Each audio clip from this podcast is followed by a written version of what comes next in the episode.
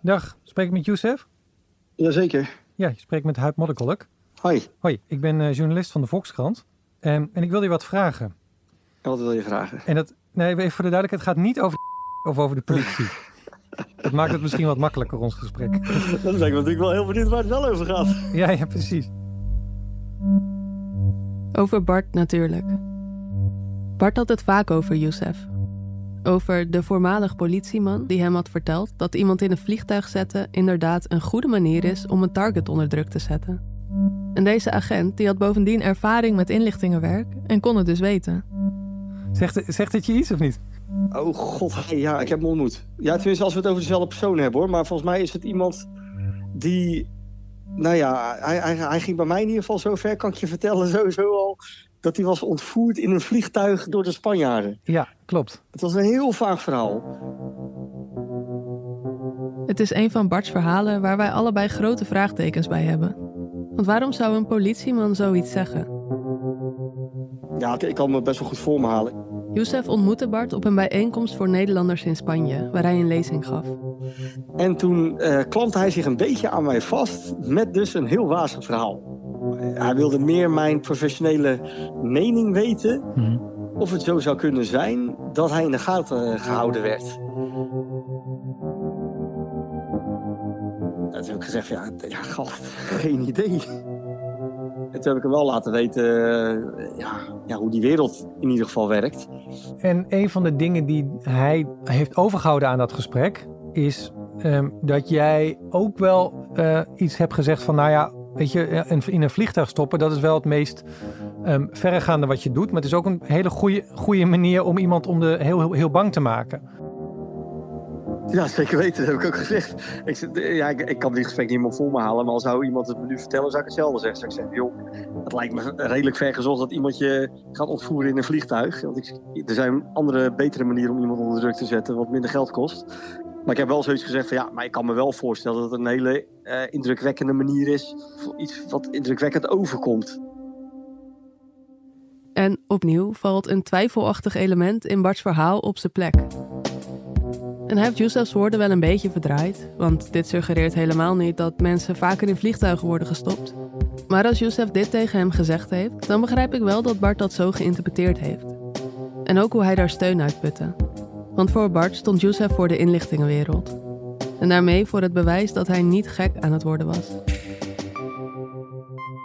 Ik merk wel dat het de drempel voor hem was om iemand in vertrouwen te nemen. Hij zei ook wel dat hij dat bepaalde mensen had verteld dat iedereen wel een beetje voor gek verklaarde. Maar eh, ja, heel lullig gezegd, dat klinkt natuurlijk ook als een heel gek verhaal. Maar wat vindt Youssef eigenlijk van dit verhaal? Ja, weet je wat het is? Ik ben natuurlijk meer thuis in de Nederlandse gang van zaken, maar kijk, het, het, het is een manier om iemand aan te lopen, tuurlijk. Is het realistisch? Ja, tuurlijk is het realistisch. Maar het is tegelijkertijd ook zo vergaand dat je wel echt, ja, je moet het wel echt bevestigd zien door meer dan alleen zijn verhaal. Want alles is echt een raar verhaal. Je luistert naar Dit kan geen toeval zijn. Aflevering 6, Ongeloof. Mijn naam is Simone Eleveld en ik maak deze podcast samen met Huip Modderkolk. Ehm, maar laten we nu dan even hebben over waar we staan. Ja. Want, want we zijn nu al een lange tijd bezig. En hoewel er al een aantal delen van het vreemde verhaal van Bart dus blijken te kloppen, zijn we niet veel dichterbij gekomen wat betreft het meest cruciale element, namelijk die lege vlucht. Nou ja, wat, wat het lastige is met dit soort onderzoeken is, je hebt niet een soort van paper trail. Hè? Dus normaal gesproken als je ehm, onderzoek doet, dan ga je kijken wat is er al eerder over gepubliceerd. Eh, is er e-mailcommunicatie, zijn er documenten, wat is de wet en regelgeving bijvoorbeeld. Ehm, maar bij dit soort zaken is dat er niet. We kunnen die vrouw niet vinden. Dat zijn eigenlijk de enige twee getuigen. Nou, technisch bewijs is ingewikkeld. Want zowel de vrouw als die vlucht zijn onvindbaar. En dat doet een beetje denken aan de eh, MeToo-verhalen. Toen Jodie Kenter en Megan Twohey, twee journalisten van de New York Times, de beschuldigingen van seksuele intimidatie door Harvey Weinstein onderzochten, liepen zij tegen een soortgelijk probleem aan. Eh, twee mensen die hebben dat meegemaakt, waarvan één eh, achteraf zegt: ja, ik, er zijn dingen gebeurd die niet hadden mogen gebeuren. Maar wie zegt dat dat daadwerkelijk heeft plaatsgevonden? En dat is heel ongemakkelijk natuurlijk, want je moet eh, naar die, die vrouwen naar bewijs gaan vragen. Maar omdat er altijd maar twee getuigen waren, is dat er vrijwel niet. En wat je daar ziet is een beetje vergelijkbaar wat, bij wat wij nu moeten doen. Ehm, namelijk ehm, mensen zoeken in de omgeving van Bart die zijn verhaal kunnen bevestigen. Als je zoiets heftigs meemaakt, dan deel je dat toch met mensen om je heen. En dat is een vorm van getuigenis. En daarom zijn de vrienden van Bart zo ontzettend belangrijk. De vraag is, ja, hoe heeft hij dat verteld? En dit is de allerlaatste stap in ons onderzoek. In Huib's eerste gesprek met Bart zaten vijf momenten die we willen controleren. Bart zegt dat hij zijn verhaal als eerst deelde met zijn beste vriend, Wout, een paar dagen nadat het gebeurde. Kort daarop vertelde hij het aan twee goede vriendinnen. Daarna kwam hij de journalist Edwin Winkels tegen op een borrel met wie hij het deelde. En weer een paar maanden later ontmoette hij Youssef. Die laatste twee die hebben we dus al gesproken. En hoewel Bart in beide gevallen hun woorden anders interpreteerde dan ze bedoeld waren, klopten de woorden wel. En ook de tijd en de plaats waarop ze gezegd werden. En dan de eerste momenten op die tijdlijn. Barts beste vrienden, die hem, volgens hemzelf, niet geloven. Dat laatste is iets wat mij altijd erg achterdochtig maakte. Want waarom geloven zijn beste vrienden niet wat hij vertelt? Weten zij iets over Bart dat wij zouden moeten weten?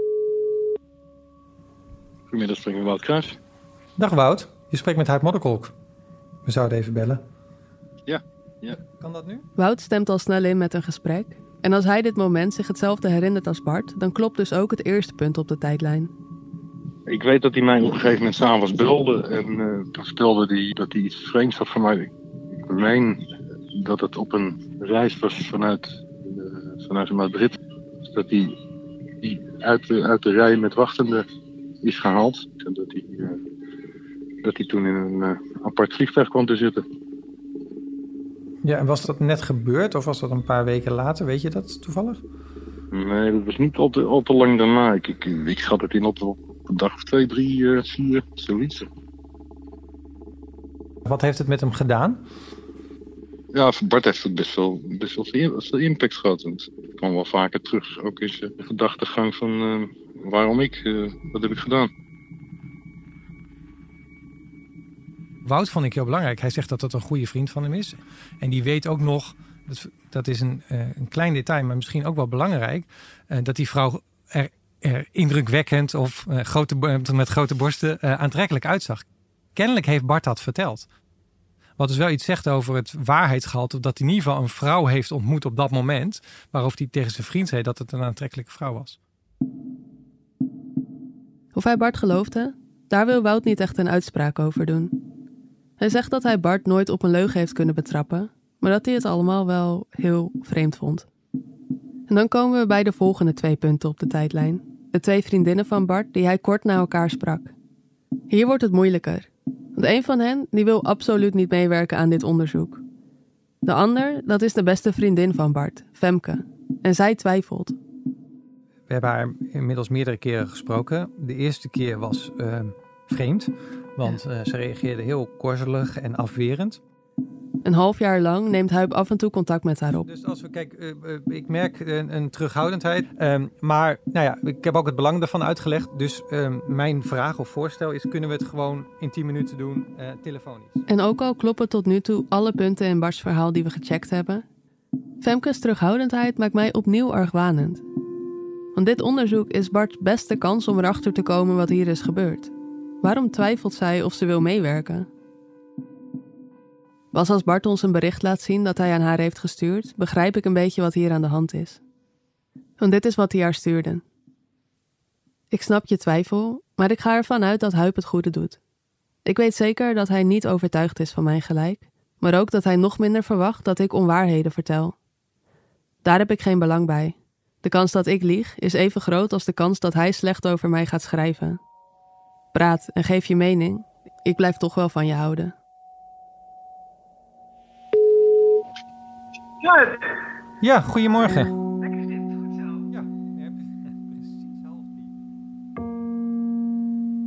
Ja, uh, we spreken Femke. Uh, je, je, bent een uh, vriendin van Bart, toch? Dat kan ik wel zo zeggen. Ja, ja een studiegenoot en een vriendin uh, geworden al. nou, ik ben nu 52, dus dat was zeg maar rond mijn negentiende of zo. Ja, dus al best wel uh, lang. Wat is Bart voor iemand? Hoe zou je hem typeren? Ehm, nou, Bart is een enorme, uh, vrolijke, energieke uh, jongeman. Dat zeg ik niet van een jongeman. Het is een soort van. Uh, sommige mensen worden echt man en vrouw later. En dit blijft echt zo'n jonge vlierenfluiter. Ja, laten we even inzoomen op dat moment bijna vijf jaar geleden. Wat heeft Bart jou daar destijds over verteld? ik wist natuurlijk van tevoren dat die vraag zou komen. Hè? En het is best wel weer een beetje lang geleden. Maar wat ik wel weet, dat, uh, dat hij zei dat hij in dat vliegtuig apart is genomen door de, nou, ik weet niet, de inlichtingendienst of zoiets. Um, omdat hij zeg maar betrokken zou zijn met, met zijn bedrijf rondom uh, Omnium. Ik ben al heel veel dingen met alweer kwijt.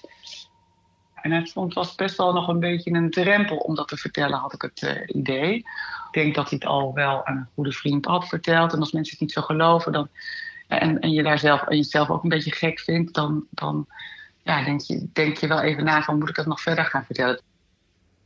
Hoe, hoe was dat voor jou? Dus hoe, hoe ontving jij dit uh, nieuws? Jij kent hem langer. Hoe beoordeelde jij het daarmee? Nou, een beetje dubbel. Want ik dacht eerst, het kan niet waar zijn dit. Wat een onzin.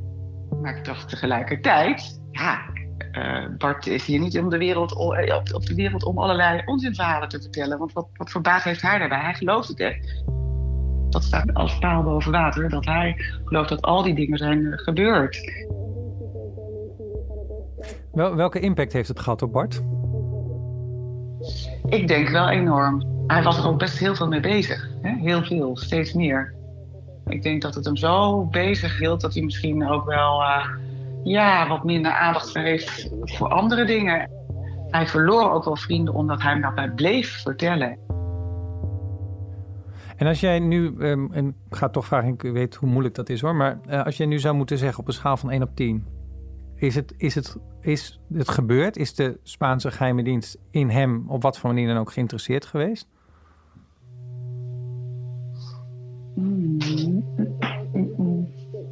Nou, het is niet, ja, dus 1 op 10 inderdaad. Dus dan, uh, dus, dus een, een, een, een 6 betekent. een 6 zou betekenen meer geloofwaardig dan ongeloofwaardig. Nou, ik zit even te denken. Mm. Nee, dan zou ik het toch een 5 geven.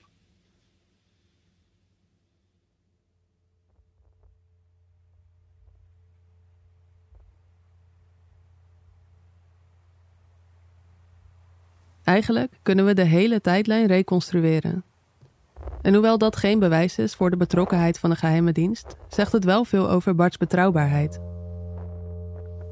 En het bevestigt ook nog iets anders. Iets wat ik eerder maar moeilijk kon begrijpen.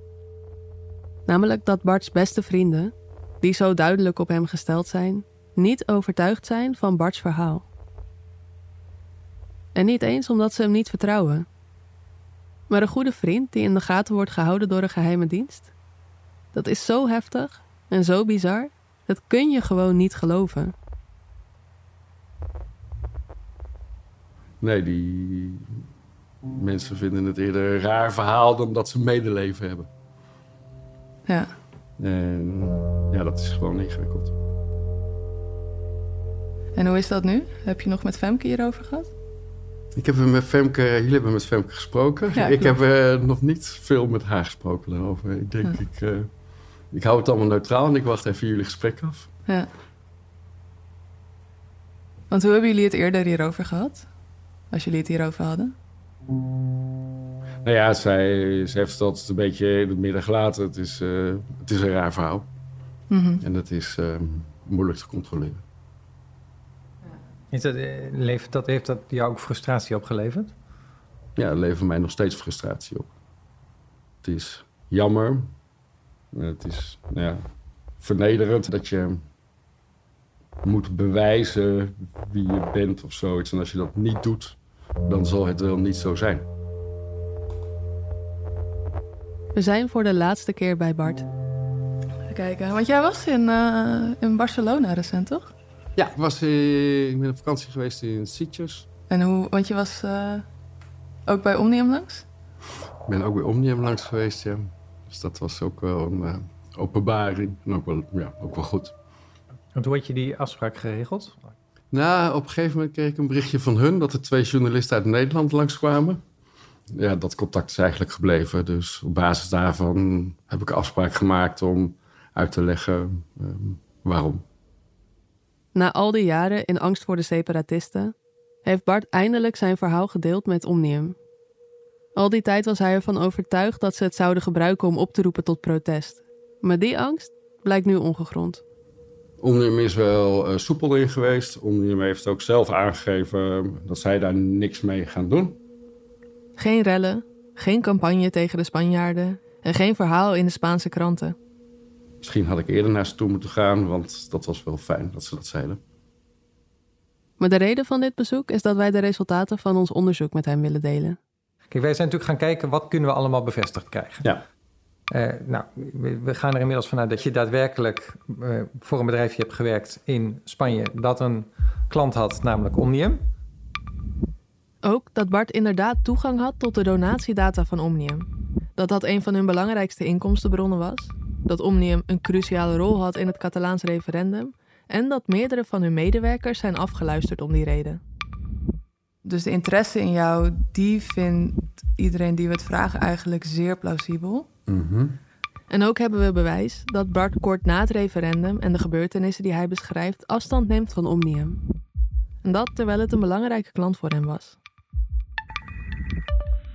En dan hebben we Elsien van Os, de voormalige geheime dienstmedewerker uit aflevering 1 en 2. Zij deed die analysis of competing hypothesis met Bart. Een instrument dat geheime diensten gebruiken om grip te krijgen in situaties die ongrijpbaar zijn. Waarin je niet spreekt van zekerheden, maar van waarschijnlijkheden. Ja, en op basis van alle informatie en met jouw ervaring zelf met inlichtingendiensten, um, op een schaal van 1 op 10, hoe geloofwaardig vind jij het dat het het werk is van een inlichtingendienst? Jeetje, wat een uh, lastige vraag. Um, een 6? Dat is wel meer dan de helft. Ja, um, in die zin dat ik begrijp dat dit wel zou kunnen gebeuren in de context waarin hij zat. En ook omdat het wel verontrustend is wat daar gebeurd is in dat vliegtuig. Dat snap ik wel, dat, uh, dat hem dat uh, toch wel geraakt kan hebben. Ik kan me wel voorstellen dat hij daar uh, toch door gespoekt is. En dan de Spaanse vrouw. Van haar bestaan hebben we als bewijs de appjes en haar nummer. Maar verder is zij compleet onvindbaar. En over het vliegtuig weten we dat Bart inderdaad die dag van Madrid naar Barcelona zou vliegen. Dat zijn oorspronkelijke vlucht ook daadwerkelijk ging, maar dat hij een melding kreeg dat zijn vluchtstatus is aangepast. En Benno Baksteen zei dat vliegtuigen inderdaad wel eens leeg vertrekken, maar dat er eigenlijk geen normaal scenario te bedenken is waarin alle elementen van Barts verhaal samenkomen. Helaas kunnen we de vlucht zelf nergens vinden. En daar zit het grootste probleem. Kijk, want wij kunnen gewoon niet bevestigd krijgen dat dat gebeurd is, dat vliegtuig. eigenlijk iedereen die we daarover spreken, die zegt van nou, dat vliegtuig dat is wel een heel apart element in het verhaal. Ja, nou, voor mij ook. Maar ik kan, ja. ik kan heel goed tellen. En ik weet wanneer een vliegtuig vol zit. En ik weet wanneer er twee mensen Nee, daarom. Zitten. Dus dat... Dus, uh, nee, maar kijk, dus wij, dat, dat, we kunnen dit niet bewijzen. Daarmee zeggen nee. we dus niet dat het niet gebeurd is. Nee, nee, nee. We kunnen dat, het gewoon niet bewijzen. Nee, nee dat, dat snap ik. Hoe dichtbij we ook komen, zolang hij niet zeker weet wat er in dat vliegtuig heeft plaatsgevonden, zal het voor Bart natuurlijk nooit genoeg zijn. Want na die dag is zijn leven nooit meer hetzelfde geweest, omdat hij aan alles is gaan twijfelen. In de wereld van geheime diensten is het vrijwel onmogelijk om echt grip te krijgen op wat je overkomt. Daarom zei Huip ook aan het begin van dit onderzoek: Misschien is deze zoektocht ook wel een test. Is mijn beoordelingsvermogen juist dat het hier om iets gaat? Of ben ik ook op het verkeerde spoor gezet? Want als je al zo lang onderzoek doet in een wereld waar niets is wat het lijkt, dan wil je af en toe de bevestiging dat je kompas nog goed staat afgesteld. Maar voor nu is dit wat het is. Mag ik nog een laatste vraag stellen? Ja. We hebben het net natuurlijk over dat wij, dit, dat, wij dat vliegtuig niet bevestigd gaan krijgen. En dat meerdere experts het ook een raar element blijven vinden. En toen ik dat zo zei, toen zag ik dat dat eigenlijk wel weer wat met jou deed. Nou ja, ik, uh, ik ben het ondertussen wel gewend. Uh, um, um, ja, daarvoor zei ik ook, het, is, het is vernederend. Want mensen blijven maar zeggen van ja, het is niet, het is niet te, staven. Uh, dus elke keer moet je je blijven verdedigen. Dus het maakt niet uit hoe, wat en waarom ik iets zeg. Tegengeluid zal altijd hetzelfde blijven. En dat is ja, apart. Dat je, ja, als, als, het, als het een gek verhaal is, geloven mensen het gewoon niet. Gewoon omdat het een gek verhaal is. Punt.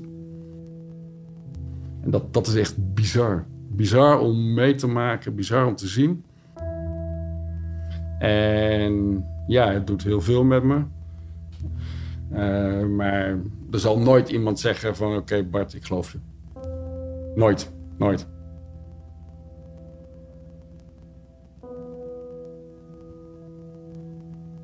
Is het belangrijk voor je dat iemand dat zegt?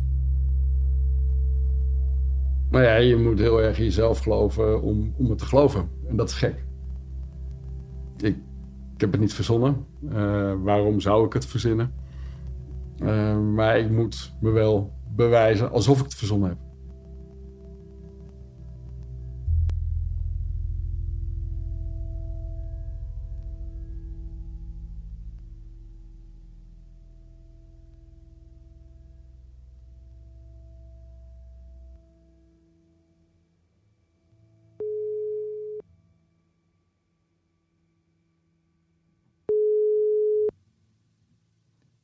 Hey, hoor je mij? Ja. Het, ik snap gewoon niet dat we dit nu pas weten. Ja, ja, nee, eens. dat is. Want na ons laatste gesprek zijn we toch weer nieuwe dingen te weten gekomen. Die alles in een ander perspectief plaatsen. Want uh, nou, ik heb nog even op een rijtje gezet wat Bart allemaal heeft gezegd. En wat hij daarna, na dat laatste gesprek, ook nog heeft gestuurd. En daaruit blijkt eigenlijk dat zijn bedrijf daar een veel grotere faciliterende rol speelt in het referendum ja, dan wij aanvankelijk dachten. Uh, ja, dat is niet niks. Dat betekent dus ook dat ja, hij veel relevanter was voor de Spaanse overheid. Tijdens het monteren van deze podcast luisterde ik keer op keer naar onze gesprekken. En er waren een paar uitspraken waar ik nog iets meer informatie over wilde.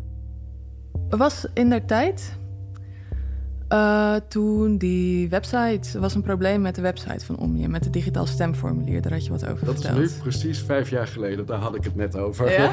dat is exact vijf jaar geleden. Dat was vandaag vijf jaar geleden. Mm, ongeveer, ja. Want wat gebeurde daar?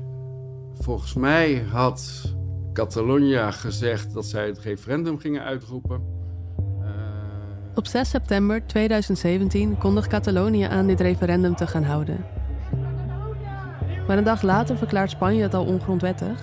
En premier Rajoy zegt alles op alles te zullen zetten om het tegen te houden. Maar de Catalanen zijn daarop voorbereid. Al weken werken zij aan een infrastructuur om de stembiljetten bij de potentiële stemmers te krijgen, buiten het zicht van de Spanjaarden. Ze maken onder andere websites waar de Catalanen hun stembiljet kunnen aanvragen.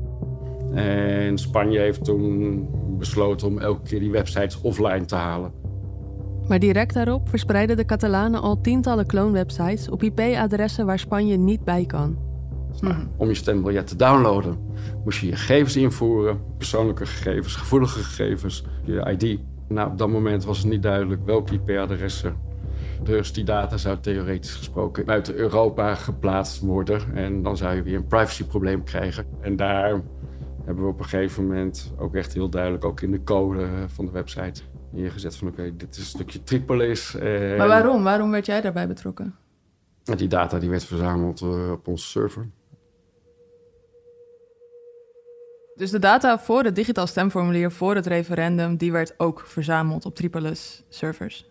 Ja. Maar even, wanneer precies gebeurde dit? Gebeurde dit voor het vliegtuig? Ja. Wat Bart hier zegt, is dat alle data van iedereen die van plan was om te stemmen in dit referendum op zijn server stond. Wat hem een heel logisch doelwit maakt voor een inlichtingendienst. En bovendien had hij de naam van zijn bedrijf in de code van de website met het stemformulier gezet.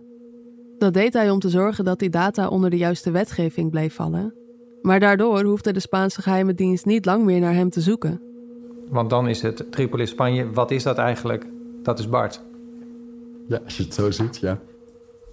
Maar heb jij dat zelf ook zo op die manier aan elkaar gekoppeld? Eh,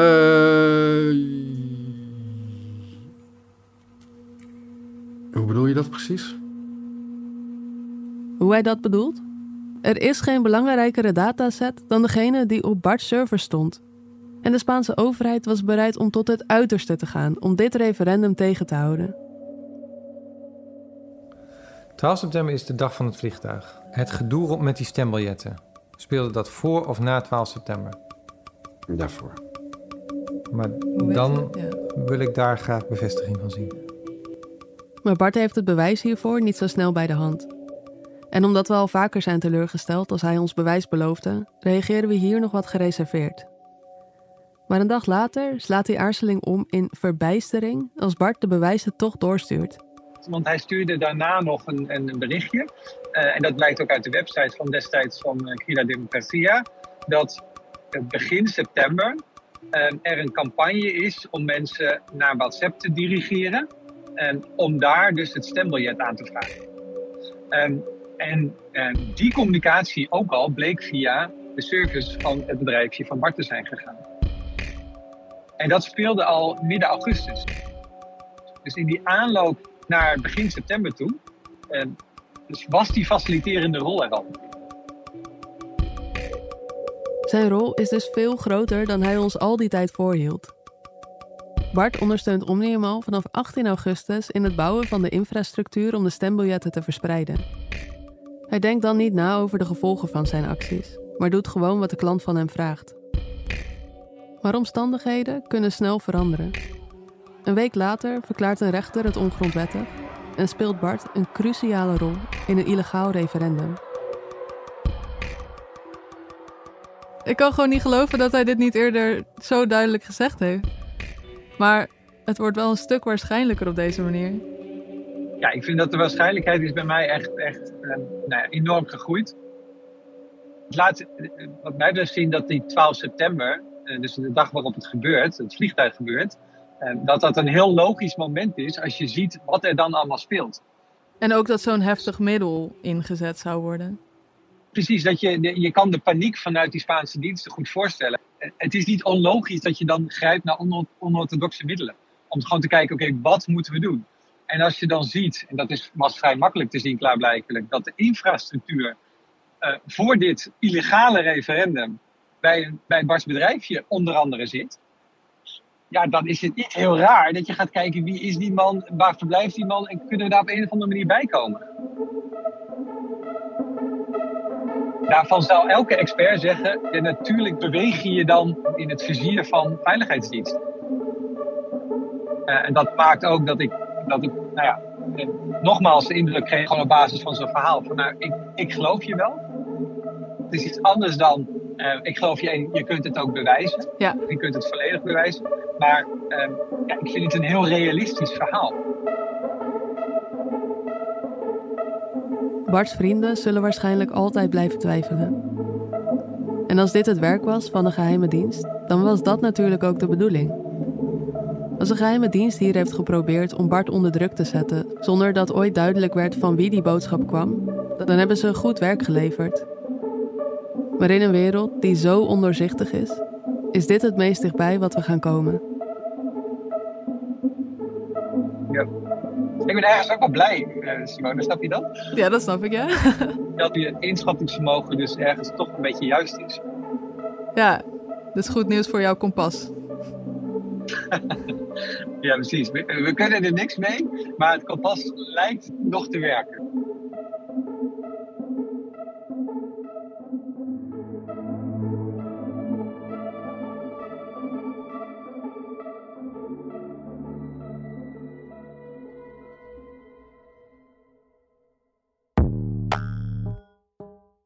Je luisterde naar Dit kan geen toeval zijn. Mijn naam is Simone Eleveld en ik maak deze podcast samen met Huib Modderkolk. Als je dit een mooie podcast vond, luister dan ook eens naar de andere podcast die ik voor de Volkskrant maakte. Een soort God. Je vindt hem in je podcast-app of op volkskrant.nl slash een soort god. De muziek die je hoorde, die is gemaakt door Rutger Zuiderveld. Die binnenkort ook een album uitbrengt met muziek uit deze podcast, dus houd zijn bandcamp in de gaten. De eindredactie werd gedaan door Randy Vermeulen. Mixage en extra sounddesign door Brandon Grutsinger. De coördinatie werd gedaan door Corine van Duin. Ons logo werd gemaakt door Tijmen Snelderwaard en Titus Knechtel. En de communicatie werd verzorgd door Emilie van Kinschot. Met dank aan Kevin Goes, Marije Randerwijk, Maartje Bakker en Joris Heikant. En als je dit een mooie podcast vond, dan kan je ons een enorm plezier doen door een recensie achter te laten in de app waar jij luistert. Dit kan geen toeval zijn is een productie van de Volkskrant. En wil je onze journalistiek steunen, dan kun je dat het beste doen door een abonnement te nemen. Daarvoor ga je naar volkskrant.nl/slash podcastactie. Dankjewel voor het luisteren.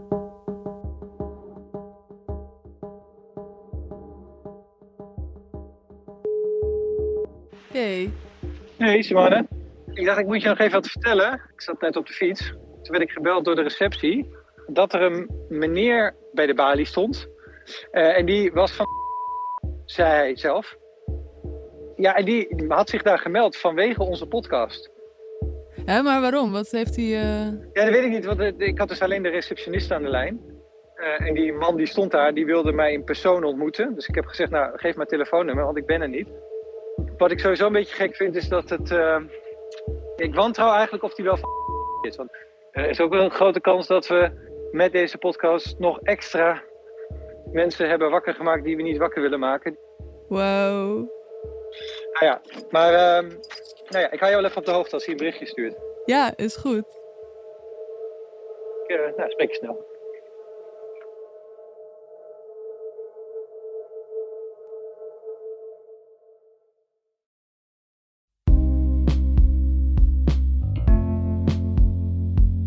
Fijn dat je hebt geluisterd naar deze Volkskrant podcast. En als je dit interessant vond, we hebben nog veel meer fijne podcasts. Ik ben Shaila Sital en ik presenteer een dagelijkse podcast waarin we de actualiteit bespreken met de vele experts van de Volkskrant.